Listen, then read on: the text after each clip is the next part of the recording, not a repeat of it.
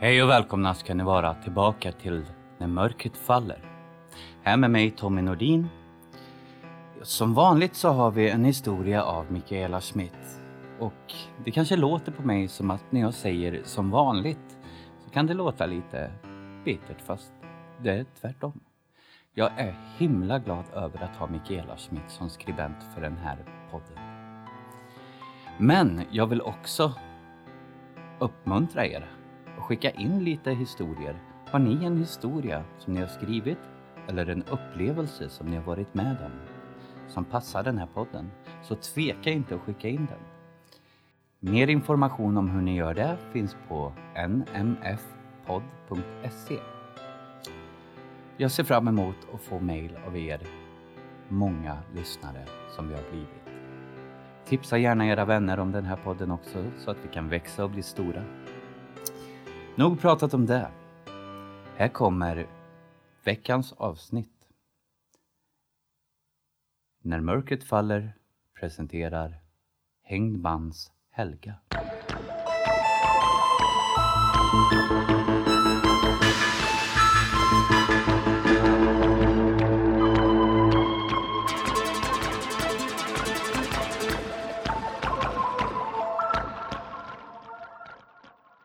En gång för länge sedan berättade jag historien om Hängd mans Helga. Om hur hela historien började. Om hur det kom sig att Helga blev Hängd mans Helga. Hennes far var en mycket ond man. Han var hård och grym, både mot sin familj och mot tjänstefolk och alla i hans omgivning var mycket rädda för honom. Till yrket var han fångvaktare och han var verkligen rätt man på rätt plats på grund av sitt grymma sinneslag och den lätthet och glädje med vilket han tog till våld. Han tycktes alltid ha mer pengar än vad som föreföll rimligt och skumma figurer kom och gick ständigt i hans hem på nätterna. Ibland kom de med bylten under armen och gick utan. Ibland var det tvärtom.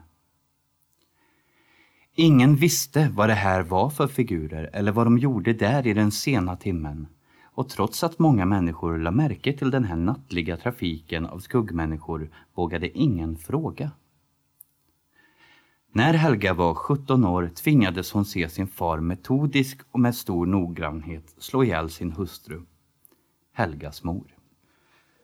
Det fanns ingen orsak till det och han brydde sig inte om att hitta på någon heller. Han fick helt enkelt lust att göra det och han log medan han begick sin fruktansvärda gärning. Ingen hindrade honom heller. Tjänstefolket höll sig undan och Helga vågade inte ingripa eller ens skrika och gråta. Stum och storögd bevittnade hon allt det fasansfulla, livrädd att bli hans nästa offer om hon lät bli.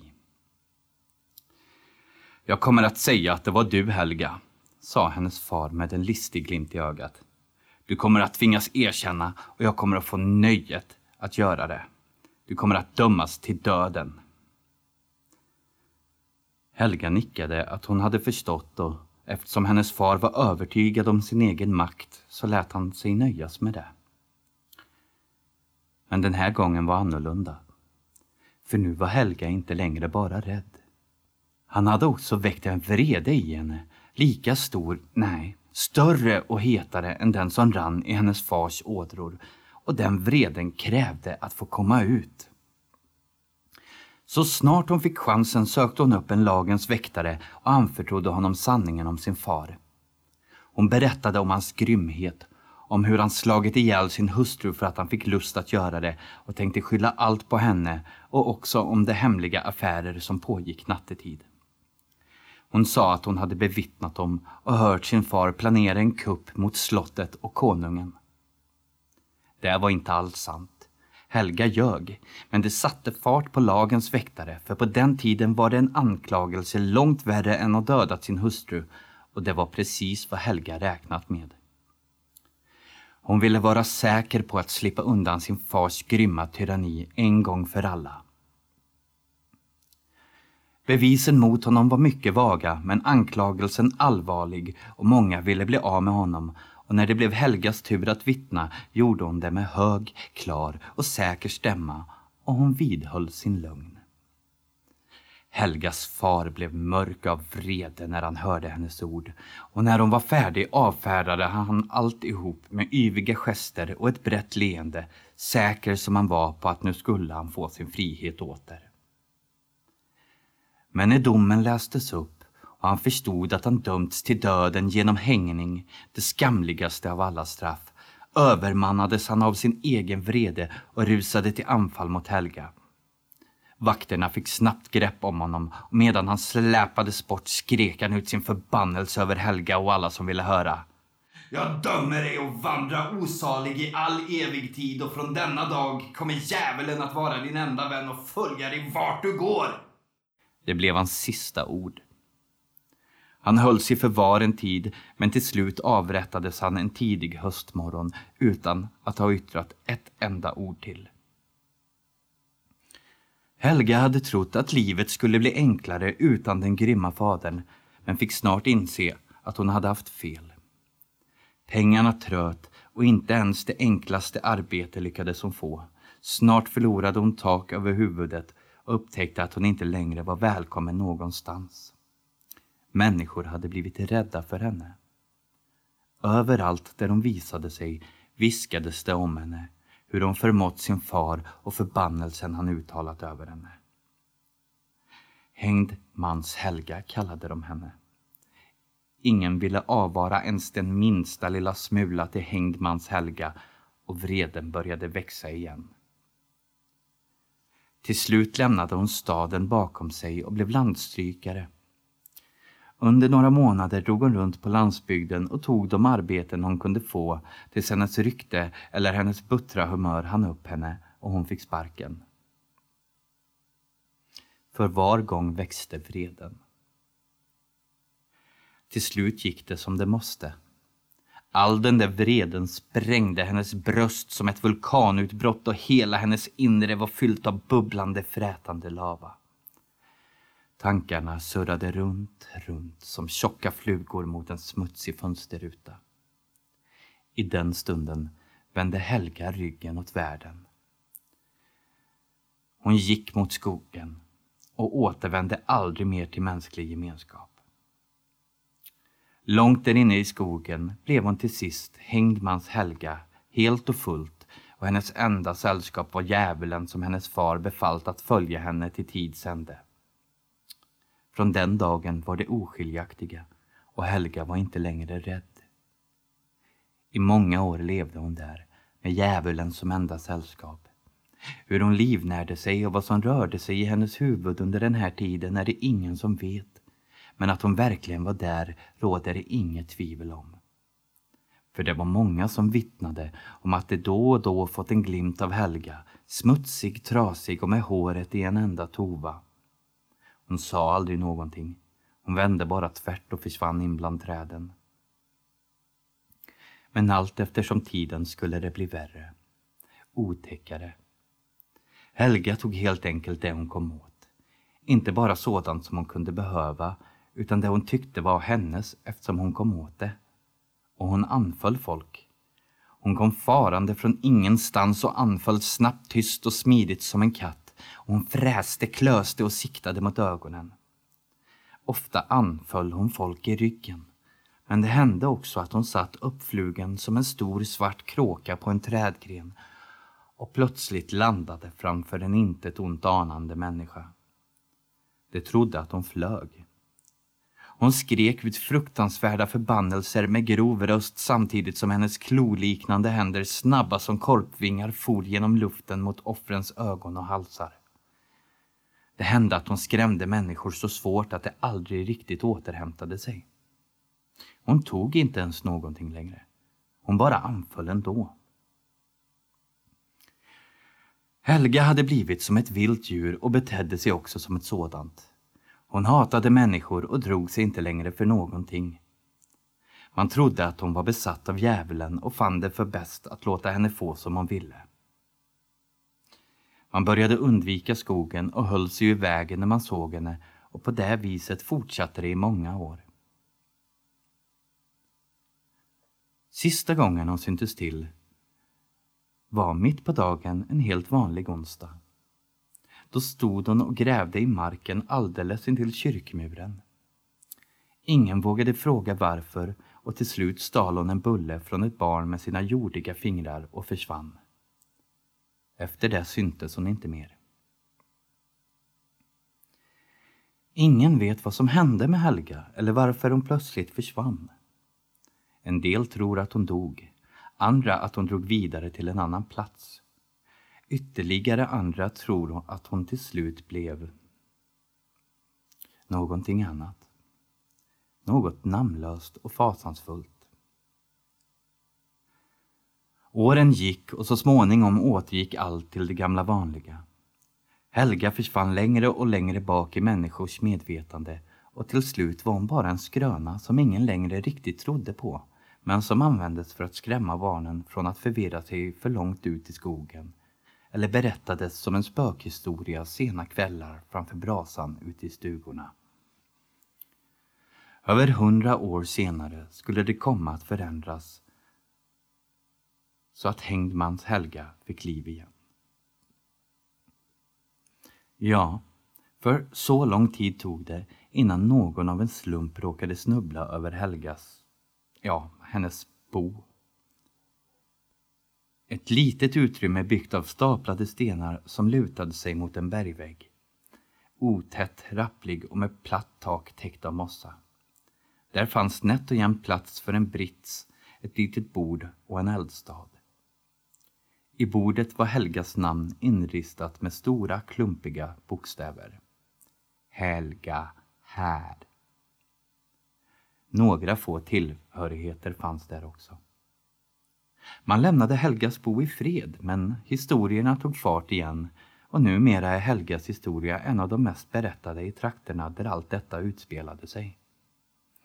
Ni som bor där i trakterna känner säkert igen berättelsen om Helga och jag är nästan säker på att jag delat med mig av den någon gång tidigare.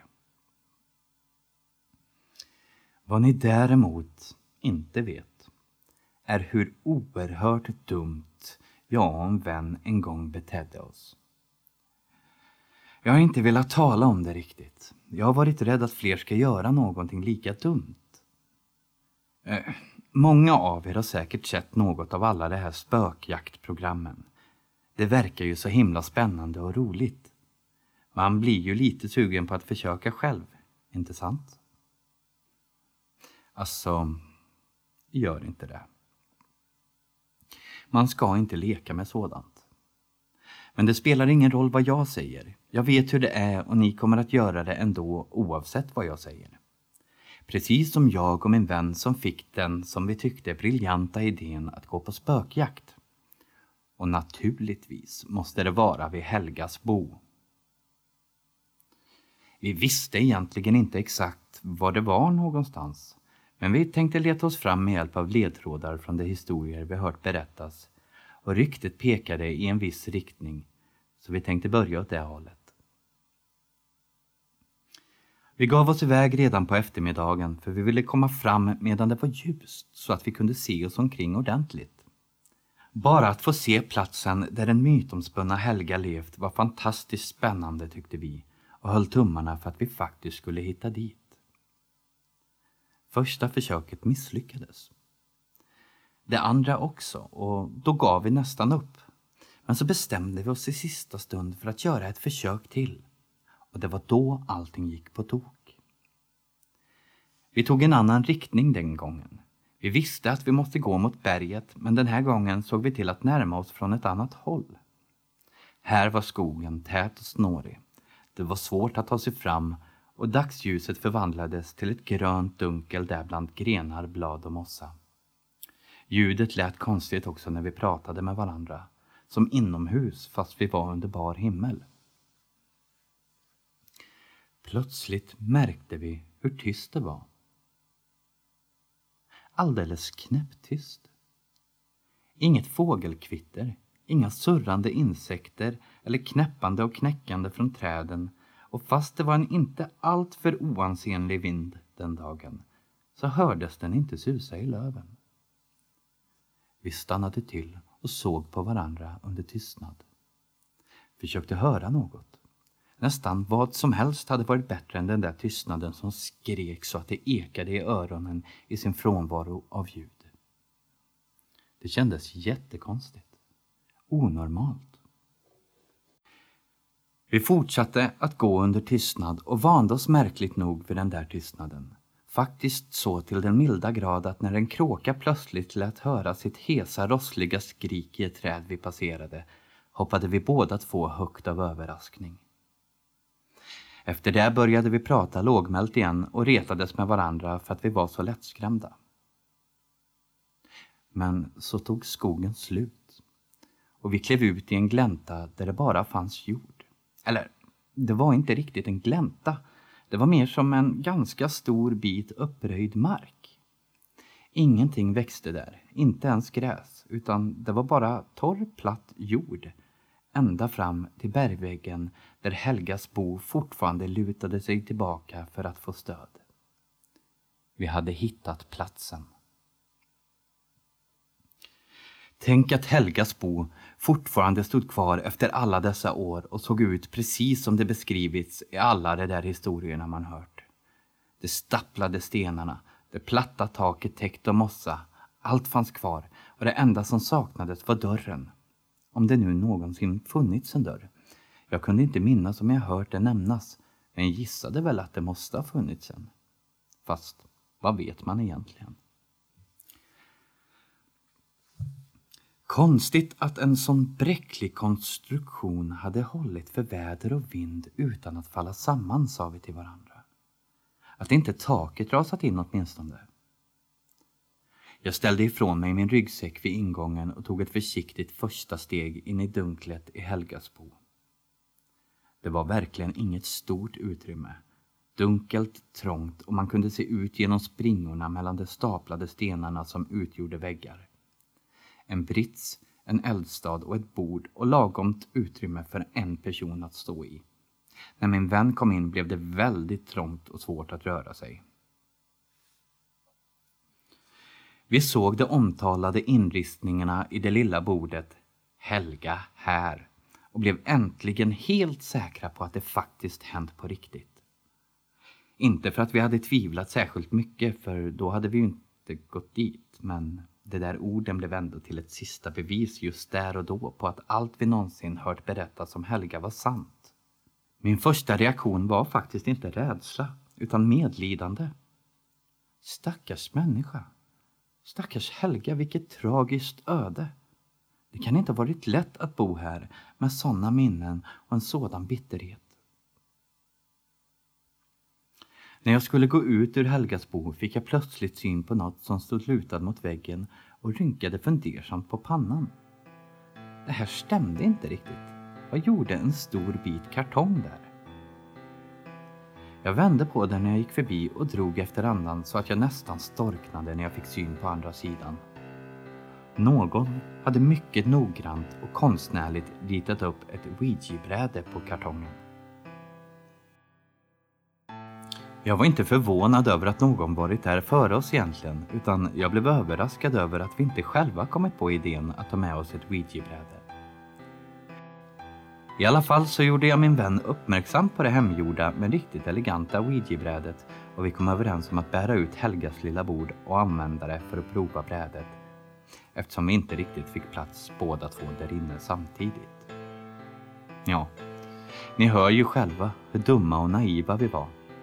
Och faktiskt också ganska respektlösa. Så vi lirade ut det gamla bordet, la kartongskivan på det och satte oss på varsin sida för att se om vi kunde få någon kontakt. Och det fick vi nog. Kanske. Efteråt beskyllde vi varandra för att ha flyttat på markören med handkraft.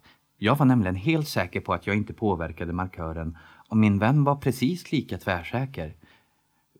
För vi fick ingen reda i det hela. Det enda ord som stavade fram det enda ord som stavades fram gång på gång var här, här, här. Och vi kunde just då inte begripa vad det skulle betyda. Vi gav upp ganska snart och ställde tillbaka bordet och ouijibrädan efter oss, ganska besvikna på resultatet.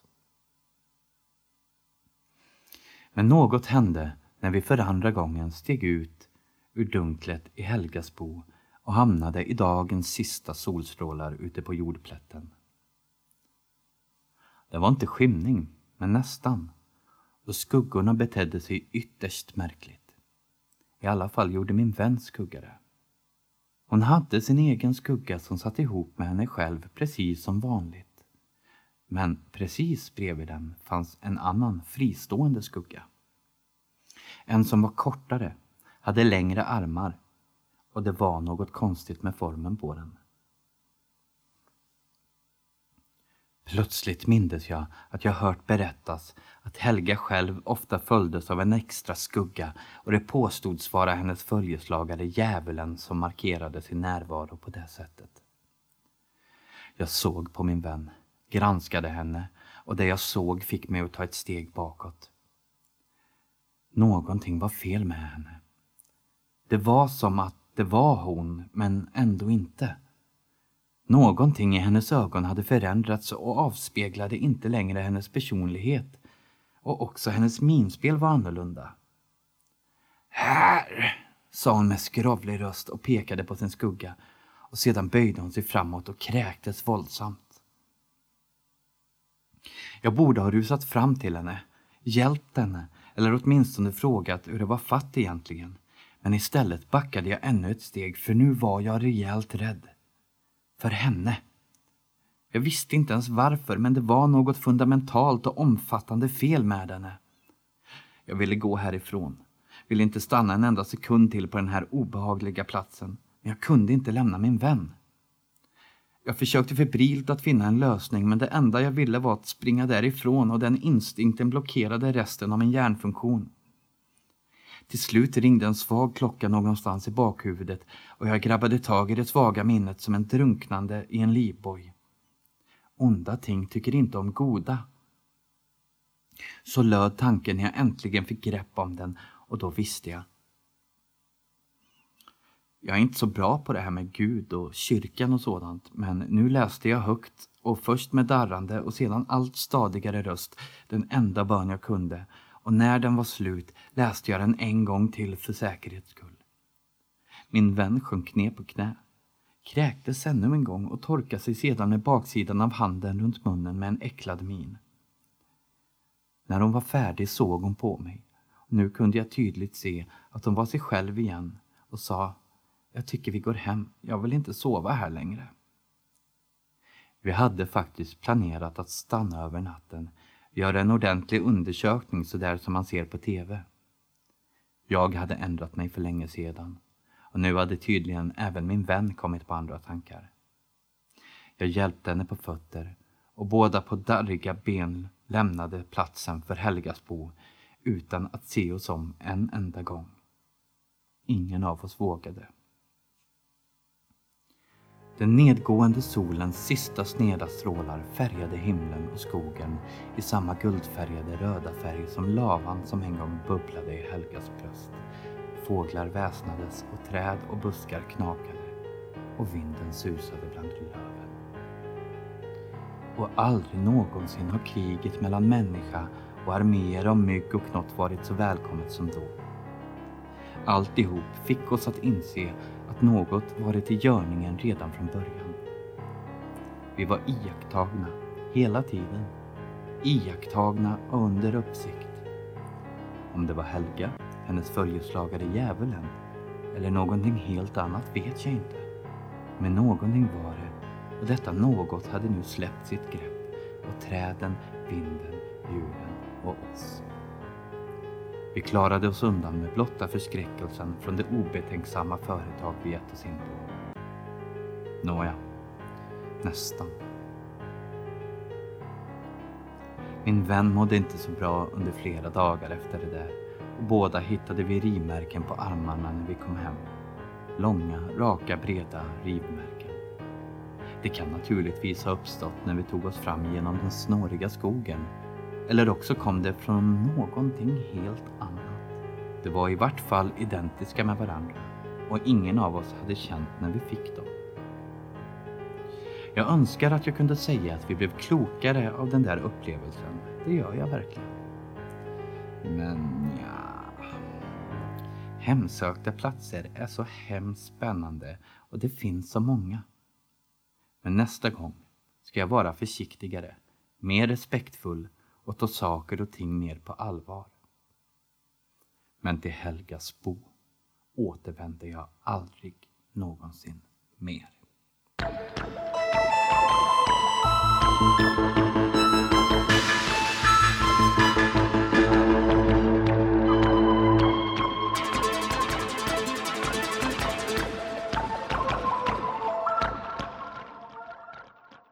Du har precis hört Hängdmans Helga skriven av Michaela Smith.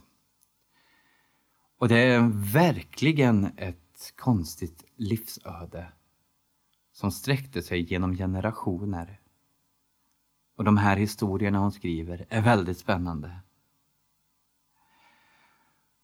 Och jag kan säga att jag själv sitter med andan i halsen när jag själv läser dem.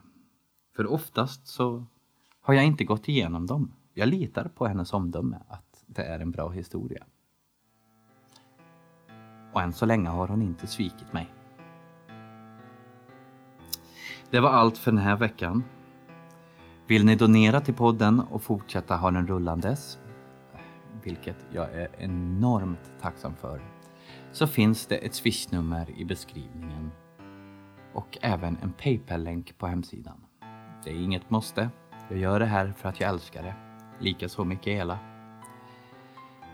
Vi hörs nästa gång och tills dess, ta upp fötterna. Dra filten över huvudet. Men ha gärna en lampa tänd under. Nu, när mörkret faller.